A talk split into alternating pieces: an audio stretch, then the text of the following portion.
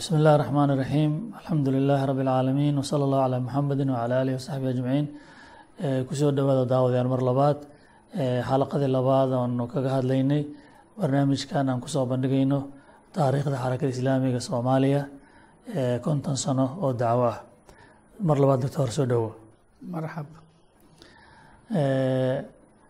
xaqiiqatan waa shay aada iyo aada u qiimo badan oo aada iyo aada u xiiso badan u leh in aanu ka sheekayno muxuu ahaa taariikhdaasi aadka iyo aadka xasaasiga ah. Dadka horena ay danaynayaan oon isleenahay wax weyn bay ka qabanaysaa in dabool badan ama mugdiyo badan oo jiray inay shaaca ka qaado oo ay dadka wax badan u iftiimiso. Aan isleenahayna runtii mid yacni sidqi iyo ammaano ku dhisan oo maadaama ay warinayaan dadkii hawsha la noolaa ku soo koray wax ka soo dhisay ilaa hadeertaanne taariikhdu ka markhaati kacayso sida ammaanada leh ay uga soo shaqeeyeen. Doctor mar labaad waxaan ku weydiinayaa taariikhda xarakadani aad bay u dheer tahay sida dadka ay suureysanayaanna way ka fog tahay. Waa taariikh bilaabatay yacni qarnigii labaatanaad bartamihiisii ama nuskiisii dambe bilowgiisii bilaabatay oo bidabti haddaan fiigno kun sagaal boqol lixdan iyo sideedii ayay xarakadani soomaaliya ka bilaabatay. Marka suuragal ma tahay inaad xoogaa noo sawirto oo aad sawir gaaban naga siiso duruuftii ay ku dhalatay xarakadaha islaamiga ee soomaaliya. Bismi illaahi raxmaan raxiim wsala allahu calaa muxamedi wacalaa aalihi wasaxbihi wasalama ajmaciin. Aada baad umahadsan tahay ustaad yuusuf. Marka ugu horeyso horta bal intaanan ka hadlin xarakadaas islaamiga ah dhaqdhaqaaqa islaamiga ee kahana qaaday soomaaliya lixdan iyo sideedii waxaa habboon in aan kelimad ka dhahno xarakaadka islaamka ee ka hana qaaday qarnigii labaatanaad ee dunida caalamka islaamka horta maxaa keenay?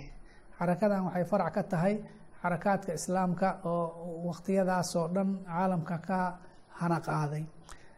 Waxaa habboon horta inaan fiirino sideeda xaraka isla dhaqdhaqaaq islaam maxaa keenay in loo baahdo uu yimaado?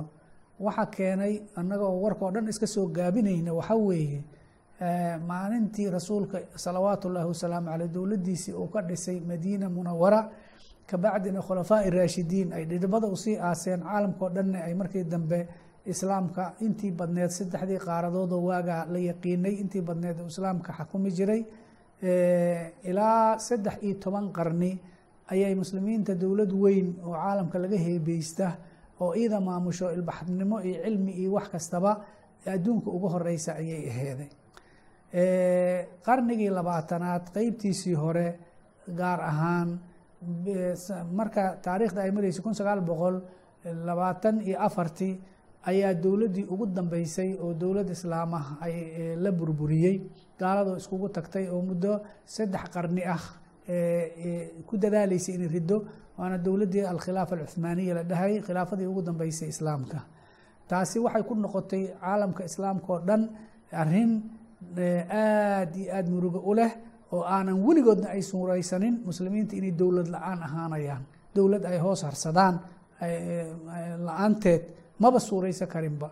Haddee markii arrintaasi ay dhacday markaasaa baraarug caalamka islaamka ka bilowday oo la leeyahay sideen dowladdayni ku soo ceshanaa ama dowladba kali mee waxaa laga hadlaye shariicadii islaamka oo la isku xukumayey oo lagu dhaqmi jiray oo nolosha qeybaheeda kala duwan islaamka ilan waa diin dhammaystirane lagu dhaqi jiray oo intay gaaladii reer yurub yimaadeen dhulalkii islaamka ay qabsadeen ay gumaysteen waxa loo yaqaano gumaysiga ay markaa shareicadii islaamkana intay ka tuureen ay qawaaniin iyo dastuuro ayaga ay wataan ay ku xukumeen. Markaas islaamkii oo dhan baaba maqanba. Maxaaba laga sheegaaba dowladnimadiisi kalimaa ku dhaqankiisii iyo sharcigiisii iyo maamulkiisii dhammaa maqan. Markaasaa waxaa bilowday dhaqdhaqaaqyo islaam soo celin ah ama dowlad islaam in dib loo soo celiye ah ayaa bilowday waxaan dhihi karnaa xarakadii ugu horeysay waxa weye waa xarakadii ikhwaan muslimiin oo kun sagaal boqol iyo labaatan iyo sideedii masarka hana qaaday.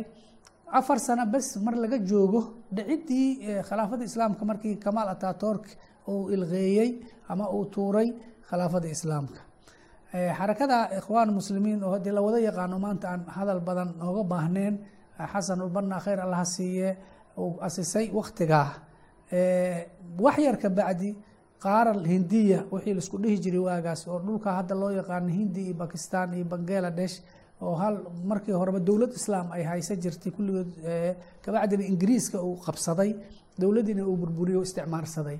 Oo waagaa isku jiray oon weli xataa kala bixin. Muslimiintana markaa ay gobonimo doon ah ingiriis inay iska tuuraan ay rabeen ayaa waxaa ciidana ka hana qaaday xarakadii oo hogaaminayey abilacla almawduudi oo magaceedana aljamaca alislaamiya fii bakistan markii dambe saa loo yaqiinay. Inkastoo la dhihi karo ayagaa laftikooda waxaa ka horeeyey sideedaba laba qarni ama qarni iyo bar waktigaa ka hor xarakadii maxamed cabdilwahaab oo islaamkii inkastoo weli dowladdiisii ay jirtay haddana inuu sii daciifaya oo weliba caqiidadoodii iyo dadkii akhlaaqdoodii wax badan islaamka ay ka halaabeen inta dareentay xaraka tawxiidiya oo dadkii caqiidadii dib inay ugu yeerta ahayd ay horey u jirtay. Laakiin markaan aan isticmaalka dhulka uu qabsaday kabacdi xarakaadka soo baxay weeye hadda midda aada noo khusayso oo si toos ana ugu yeelo doona saameyn xarakada aan ka taariikhay doono oo soomaaliya. Horta jawiga guud ama muuqaalka guud oo jiray markii xarakadan asismaysa waa halkaas. Adigoo mahadsan doctor ficlan taariikhda waa wax muhiima aada iyo aada u qiimo badan. Maxaa yeelay shalay wixii dhacay haddaan la ogeyn maanta si fiican ma loo fahmi karaayo. Khilaafa alislaamiya alcuthmaaniya saad tilmaantay saddexdii qarni ugu dambeysay. Waxay joogtay xaalad gaaloo dhan bay haweysanayso marka adkaanta gaaladu ku adkaatana runtii sidaad tilmaantay waa wax macnaha gudaheedana khalad ka dhashay iyo oo muslimiinta iyo xaraggii sidii dhab ah loo baahnaa oo haysan waaye wata keenta marka xaragadii tajdiidigeeda ee sheekh maxamed cabdiwahaab uu ka dhex kaga dowladda nafteeda isagoo ku baaqaya mar labaad in caqiida tawxiid iyo iimaankii dib macnaha loogu noqdo. Isagoo arkay macnaha musiibada muslimiinta ku socotay khatarta ay leedahay ficlan marka waxa weeye marka dhaqdhaqaaqa islaamiga wuxuu jawaab ka yahay yani muxuu ahaa dhicitaanka islaamka uu dhacay in dib loogu soo noolaado. Aad baa umahadsantahay marka bal dhaqdhaqaaqa isaga ah oo caalamka dhan ka kacay oo ikhwaankii ama bakistan ama xarakadii sheekh maxamed marka dambe xaraka loo habeeye loo baxshay yani sidee marka yani dhaqdhaqaaqaas caalamigahay uu soomaaliya ku soo gaaray uuna uga hana qaaday soomaaliya? Waa mahadsan tahay. Waxaa la dhihi karaa waa ka soo daahay soomaaliya. Maxaa yeelay haddaan hadda dhahno xarakadii ikhwaan muslimiin masar labaatan iyo sideedii ayay ka hana qaaday. Intana hadda aan leenahay xarakada dhaqdhaqaaqa soomaaliya oo aan ka taariikheyneyno lixdan iyo sideedii ayuu inta ka hana qaaday. Wakti dheer baa u dhexeeya waktigaas inay isdhaahdana dabcan waxaa keenaya waktigaas waddamada gaalaha xukumaysay waa la kala xirnaa. Soomaaliyana haddee dad badan oo markaas maxaan waktigaas safarkana ma sahlaneyn wada xiriirkana ma sahlaneyn qalabkan hadda maanta wax lagu wada xiriirina saa uma jirin. Waxaa saasay horta dib ugu dhacday. Laakiin waxaa la dhihi karaa lixdameeyadii qeybteedii dambe ayaa saameynta xarakaadkaas waxooda ay soo gaareen soomaaliya. Insha allahu tacaala markan hoos ugu sii degnaan arki doonaa meelihii ugu horeeyey oo saameyntaas ay ka bilaabatay iyo dadkii sababta u ahaa.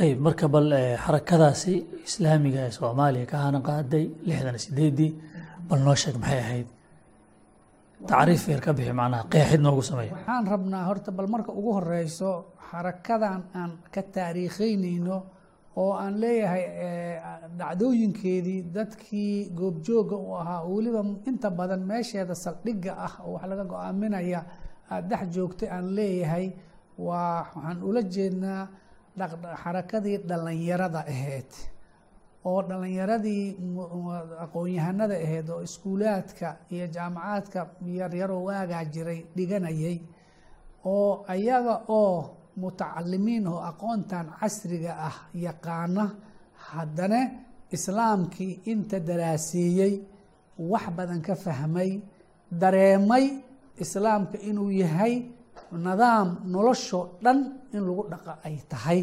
dareemay. Oo markay taa dareemeenne kow tilaabadii koowaad ka bilaabay ayaga horta inay isku tarbiyeeyaan oo islaamkaas ay bartaan noloshoodana ay ku maxaa la dhihi jiray magacooda muxuu ahaa magac bay la bixi doonaan anaa gadaal baan ka sheegi doonaa laakiin hadda waxaan rabaa in xoogaa isku soo xiro. Horta sideeda maxay yihiin? Nuxurkooda waa maxay? Oo ah dhallinyaradaas soo kacday oo islaamkii daraaseynaysa iskuna dabaqayso markii intay daraaseeyeen ayagii ay ku noolaadeen oo ay wax dareemeen dareemay xil inuu ka saaran yahay inay ummadooda dacwadii islaamka gaarsiiyaan waxa jahliga ay ku sii socoto iyo gaalada sii marin habaabinaysana ay ka soo qabtaan ummadooda sidaasna dhaqdhaqaaq islaami ah ee bilaabay. Waa horta qoladaas weeye qolada aan ka taariikheyneyno waxaan jeclaa lahaa marka intii aanan maaragtay bal ayaga gelin inaan xoogaa ka sheego dhaqdhaqaaq ayaga ka horeeyey hal sano oo ka hana qaaday soomaaliya laftikeeda lixdan iyo toddobadii. Ayaan rabaa xoogaa inaan kelimad ka sheego. Hore u socdo saare magacooda maxaa iyaga maxaa la jiray? Waa nimanka waxaa weeye waa niman aqoon-yahano ah oo dhallinyaradan ka waaweyn oo jaamacadaha waddamada carabta wax ku soo bartay kuna soo saamoobay dhaqdhaqaaqii ikhwaan muslimiinta oo waktigaa ka jiray waddamada carabta oo dhan ka wada jiray. Markii ay wadanka ku soo noqdeen iyagoo jaamacado ka soo baxo dad waaweyn oo aqoon-yahano ah runtii u qiirooday islaamkoodii iskuna dayey in ay ka bilaabaan dhaqdhaqaaq islaami ee soomaaliya maadaama marka dad waaweyn oo jaamiciyiin ay ahaayeen mar alle markay yimaadeen hay'adaha dowladda shaqaalo ka noqday ay ugu badneed wasaaradda arrimaha diinta iyo wasaaradda cadaaladda iyo macalimiin noqday ayaa waxay asiseen urur lagu magacaabi jiray annahda alislaamiya. Urur lagu magacaabi jiray annahda alislaamiya. Waa dhowr aqoon-yahan oo jaamiciyiina oo islaamka si fiican xagga ugu soo daraaseeyey waxyaalihii ugu weynaayey oo ay qabteen oo runtii wax lagu maarata in lagu mahdiyana ay tahay waxay aheeday waxay asiseen maktabad ama library oo kutubtii islaamka oo casriga aheed oo mufakiriinta casriga ah ay alifeen ay keeneen. Iyo maraajicdii hore oo islaamkaba maktabadaas oo ay u fureen albaabada qof kastoo raba inuu wax ka faa'iideysto shaygii ugu weynaay oo ay qabteen taas bay aheeday nahda ururkaas waxay u asisteen inay shiraan inay muxaadaraad islaamka ka bixiyaan. Shayga ugu weyn oo maalintaa yaalayna waxayba ahayd islaamka soomaaliya suufiye iyo waxaa iska joogay nin maaragtay xoogaa masaajidka ku xiran. Laakiin qof islaamkiibaa wax lagu dhaqmi kara oo noloshoo dhan lagu dhaqi karaa maba la fahamsaneenba inay taasi dadka fahamsiiyaan oo ay ka dhaadhiciyaan ayay goosteen muxaadaraad ba marka jeedi jireen maktabadaasne dadkii u yimaada kutubta bay sii jireen. Taasaa shaqadooda ugu weyn ahayd. Marka hal sana ay ka horeeyeen asaaska dhallinyarada markay soo kacayso. Ma nooga sheegi kartaa nimanka odayaasha ah ee taariikhda lahaa ee dowrka lahaa yaa ka nool maxay ahaayeen magacyadoodii waxaa ka sheegi kartaa. Waxaa ugu caansanaa ninka madaxda ay ka dhigteen oo ahaa cabdiqani sheekh axmed oo runtii ahaa wasiirkii maxamed siyaad barre markii uu meesha qabsaday wasiirkii ugu horreeyo arrimaha diinta iyo cadaaladda ahaa waxaa ka mid ahay sheekh maxamed garyare sheikhii caanka ah oo la dhihi jiray. Waxaa ka mid ahay sheekh maxamed macali xasan oo asiga xoogaa gadaal ka yimiday laakiin markii uu yimidiba iyaga ku biiray. Raggaasaa ka mid ahay caanka ah oo soomaaliya laga yaqaano waa gartay marka nimanka odayaalka waxaa tiri dhaqdhaqaaqooda iyo waxqabadkooda inay dadka ay muxaadaraad u jeediyaan maktabadaas ay keeneen ee kutubtaas laga faa'iisay sameeyeen. Marka dhaqdhaqaaqooda marka intaa ahaa. Waxaase ka muuqata taariikhda dhalinyaradii dhaqdhaqaaqii sameyn aada inuu u ballaartay oo aada u xoog badnaaday.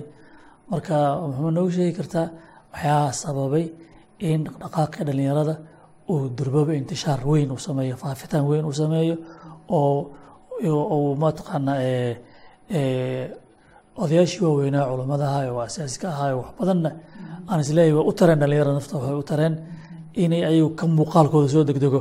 Maxaa sababa islaada horta waxaan ugu hormari lahaa dhalinyarada oo waktigaas soo kacday aad bay ugu faa'iideysteen culimmadaas waaweyn iyo maktabadoodii. Waxyaalahaba keeni doona inay si fiican islaamka u fahmaan oo dowrkan weyn oonka taariikhay doonana ay qaataan waxyaalaha u sababay waxaa ka mid ahaa muxaadaraadka ay culimmadaas dhigaysay iyo maktabadooda ay ka faa'iideysteen waxa su'aasha adi weydiisay haddaan isku dayo inaan ka jawaabo waxa weeye nimankaas niman dowladda u shaqeeya oo mashquul bay ahaayeen. Haddana dadka ay la hadlayaan dabaqada ay la hadlayaan oo ay haddana loolanka kula jireen waxay aheeday dadkii xafiisyada dowladda ka shaqaynayey dadkii ay iskula jireen isku leebelka ay ahaayeen. Oo ayagana waagaas ahaa qoladan kulligood wada cilmaaniyiinta ah oo ka timiday qeybtii ingiriiska oo waqooyi maaragtay oo xukumi jiray soomaaliya iyo qeybtii koonfureed talyaaniga xukumi jiray tiiba talyaani iyo tiiba ingiriis. Oo wadanka dhan ayaga haysta oo qoladan laftikeeda wixiiba carabta xaggeeda ka yimaada la baloogaya ayay halgan kula jireen. Qolooyinkaas ayna la doodi jireen qolada haddii la fiiriyana mujtamaca waagaas qeybta aqoon-yahanada ah wax yar bay ahaayeen. Laakiin dhalinyarada waxa kaalmeeyey waxaa ugu muhiimsan waxa weeye markay islaamkii fahmeen oo dhaqdhaqaaqii ay ku dhaqaaqeen iskuulaadkii bay shaqadooda ka bilaabeen. Ardada oo aada u soo badanaysay tacliinta waqtiga u soo badanaysay ayay dhex galeen. Macnaha dacwadooda qolada ay ku jeediyeen ayaa ka badan qoladaas dacwada qolada ay ku jeediyeen ko midda labaad dhalinyarada waa ka firfircoon tahay firaaq ay haystaan fursada ay u haystaan inay u dhaqdhaqaaqaan wax ay rumeeyeen waa ka fursad fiicnaayeen. Saa darteeda waxyaalahaas oo dhan waxay keentay in yar ka bacdi in tii dhalinyarada ay bilaabeen aan hadda ka taariikheynynana mujtamaci inay si fiican u dhex gasho meel kasta laga dareemo inta ku saamowdayna gabdho iyo wiilalba ay aada u bataan saasna saameynteeda mujtamaca dhan looga dareemo. Iyadoo aan arki doono sheekyaasha waaweyn in yar ka bacdi kacaanka ayaa imaan doono waa waxaa la jooji doonaa shirarki iyo wixii oo dhan ba kulamadii aa la jooji doonaa. Markaa kabacdi ayagii shaqadoodii inay ma inay xadidnaato ayaa imaan doonto. Aada waa mahadsan tahay. Ficlan waxaan ka fahmaynaa iyaga waxaa haysta loolan aada u weyn calmaaniyadii iyo awooddii dowladeed iyo isticmaarkii waxay abuurteen oo xoog badanna waa haystay. Fursad marka ay toos ugu waajahaan shacbiga guda u dhadhacana may haysanin. Halka dhallinyarada ay ahaayeen rag xoog furan waqti badanna haya mujtamacna toos ugu furan. Culayska dowladnimana uusan dhinaca ka haysanin. Aad baa u mahadsan tahay. Waxaan rabaa oo kale su'aal kale aan ku weydiiyo markii ay dhallinyaradani soo kaceen oo ay dhaqdhaqaaq sameeyeen waxaa jiray dad oo la dhihi karo yacni waxay u ahaayeen rumuus ama ka dhex muuqday shaqada bilowgeedii oo niman macnaha mashaayikh aha oo saameyn weynna idinku yeeshay. Waxma nooga sheegi kartaa nimanka ayaga? Taas waxay su'aashaasi gelinaysaa waxa weeye inaan markaan toos uga hadlo bilaabashadii dhalinyaradan shaqadooda meeshii ay ka bilaabatay iyo dadkii bilaawday dadkii bilaabay inaan markaa toos u galno. Waxaa la dhihi karaa iyaga intaanan gelin waxaa jiray sheekh la dhihi jiray maxamed ciise oo sheekh suufi ahaa oo masaajid ku yaalla xamar jajab maxaan ku iraahdaa saldhig ka dhigtay. Sheekhaas inkastoo duruqi suufiya ka tirsanaa wuxuu kaga dunaayey dadka kaloo duruqda iyo xataa culammada kaloo fiqiga masaajidada ka akhrisan jirtay waaa wuxuu kaga dunaa wuxuu ilaahay aada u dareensiiyey islaamka in la isku xukumo. Oo waxaan dastuurkan iyo qawaaniintan kaloo la dhiganaho talyaaniga uu noo keenayna ay khalad tahay. Arintaas baa si cajiib leh sheekhaas ugu saamoobay wuu u dhaqaaqay inuu xaqiijiyo oo waxaa jirtay xataa talyaanigii intuuba joogay oo aan xornimada la qaadanin inuu halgan dheer bilaabay oo arrintaa ku saabsan oo warqado daadi jiray oo dhihi jiray kitaabka ilaahay ha nagula xukumo hana nagala duwa qawaaniinta kale. Markii dowladnimada la qaadanayay oo ugu horeysay guddigii ugu horeeyey oo layihi dastuur dowladda maaragtay ee dhala doonto dastuurkeedii hala dejiyo guddigii loo saaray. Ololo ba'an buu ku qaaday sheikhaas isagoo dhahaya annagoo dastuurkayna waa kitaabka qur'aanka. Uma baahnin dastuur gaala laga soo min guuriyey. Xat xataa inta la xamili waayey warkiisii la xiray ayay arrintii gaartay.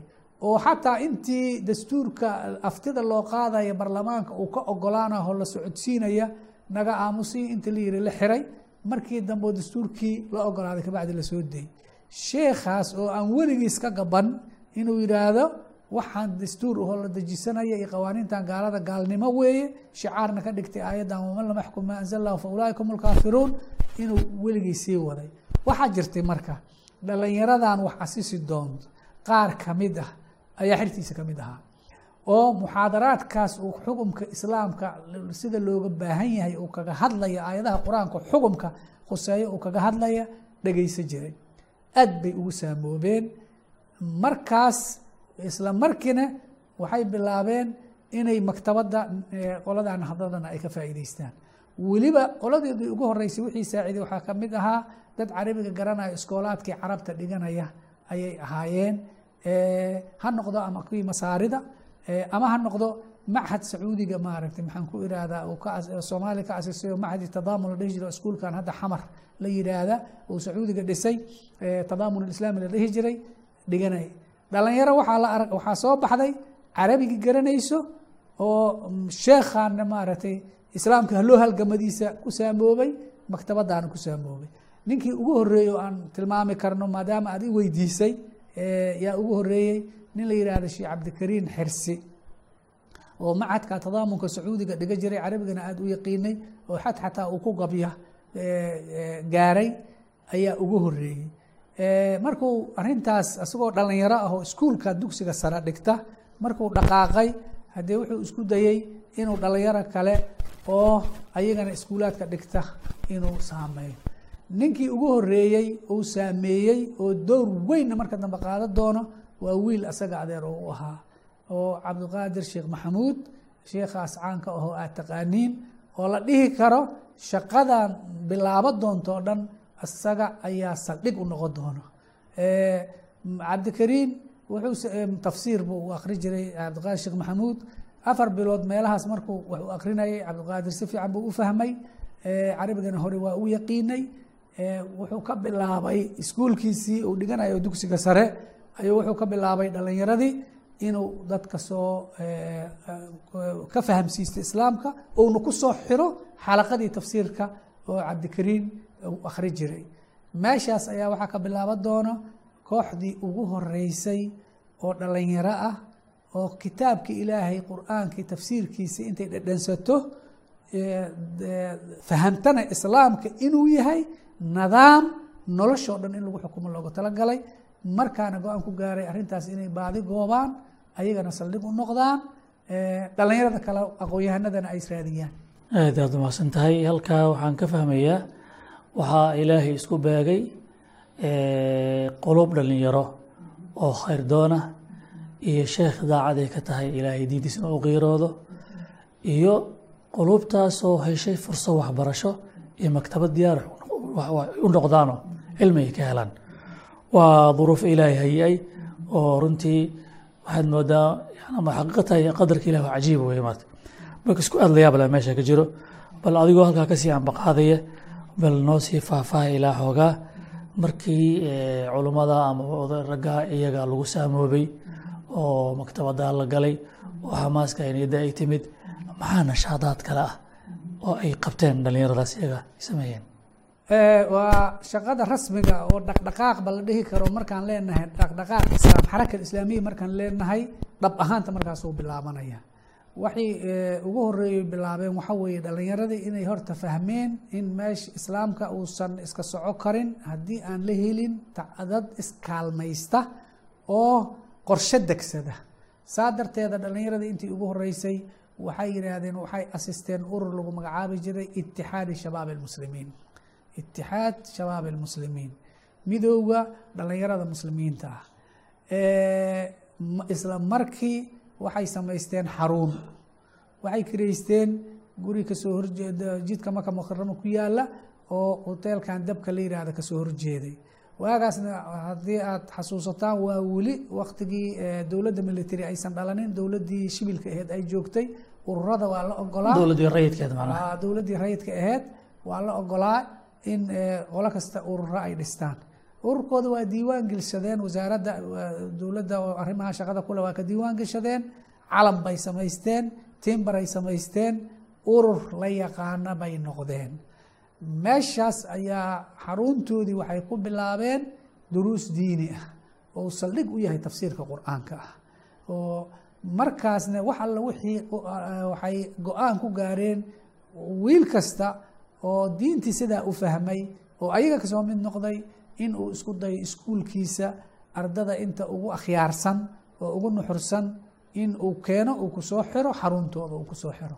Sidoo kale dhalinyarada saaxiibadiisa oo xaafadda ciyaal xaafadeedka qaraabada qof waliba qof waxa weye dhalinyarada ayagoo kaleo weliba mutacalimiinta ah oo wax la fahmi kara maanta adduunka meeshuu maraya la fahamsiin kara inuu keeno.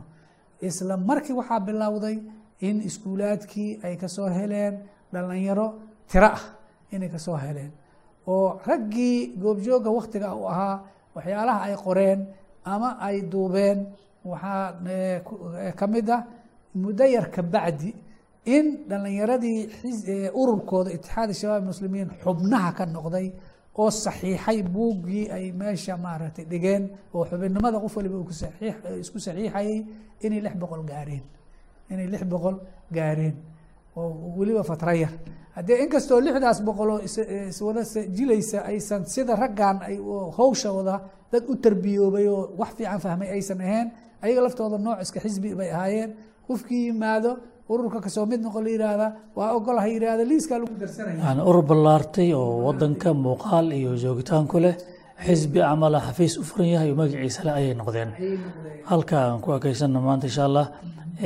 Waxaa halkaa nooga muuqato muxuu ahaa jamaacadii ama xarakadii way dhisantay. Waxaa ilaahay isku aadiyey sheekh niyad wanaagsan oo ilaahay u qiirooday oo xamaas iyo ruux ku dalbaayey shareecada ilaahay loo noqdo. Dhallinyaro iskuul baratay tacliin soo qaadatay oo qalbigooda saafiya la kulantay muxaadaraadkaasi. Maktabad ay diyaariyeen niman culamo ah oo jaamacado ka soo baxay oo masaadirta islaamkusu keenay. Intaasoo is urursatay dhallinyaradii ka ambaqaaday halkaasi marka xarakadii sharaaradeed ka bilaabatay. Waxaan is leeyahay insha allahu tacaala bartaas yaan ka bilaabi doonaa xalaqadeena soo socoto. Xataa nalqaakum. Asalaamu calaykum waraxmatullah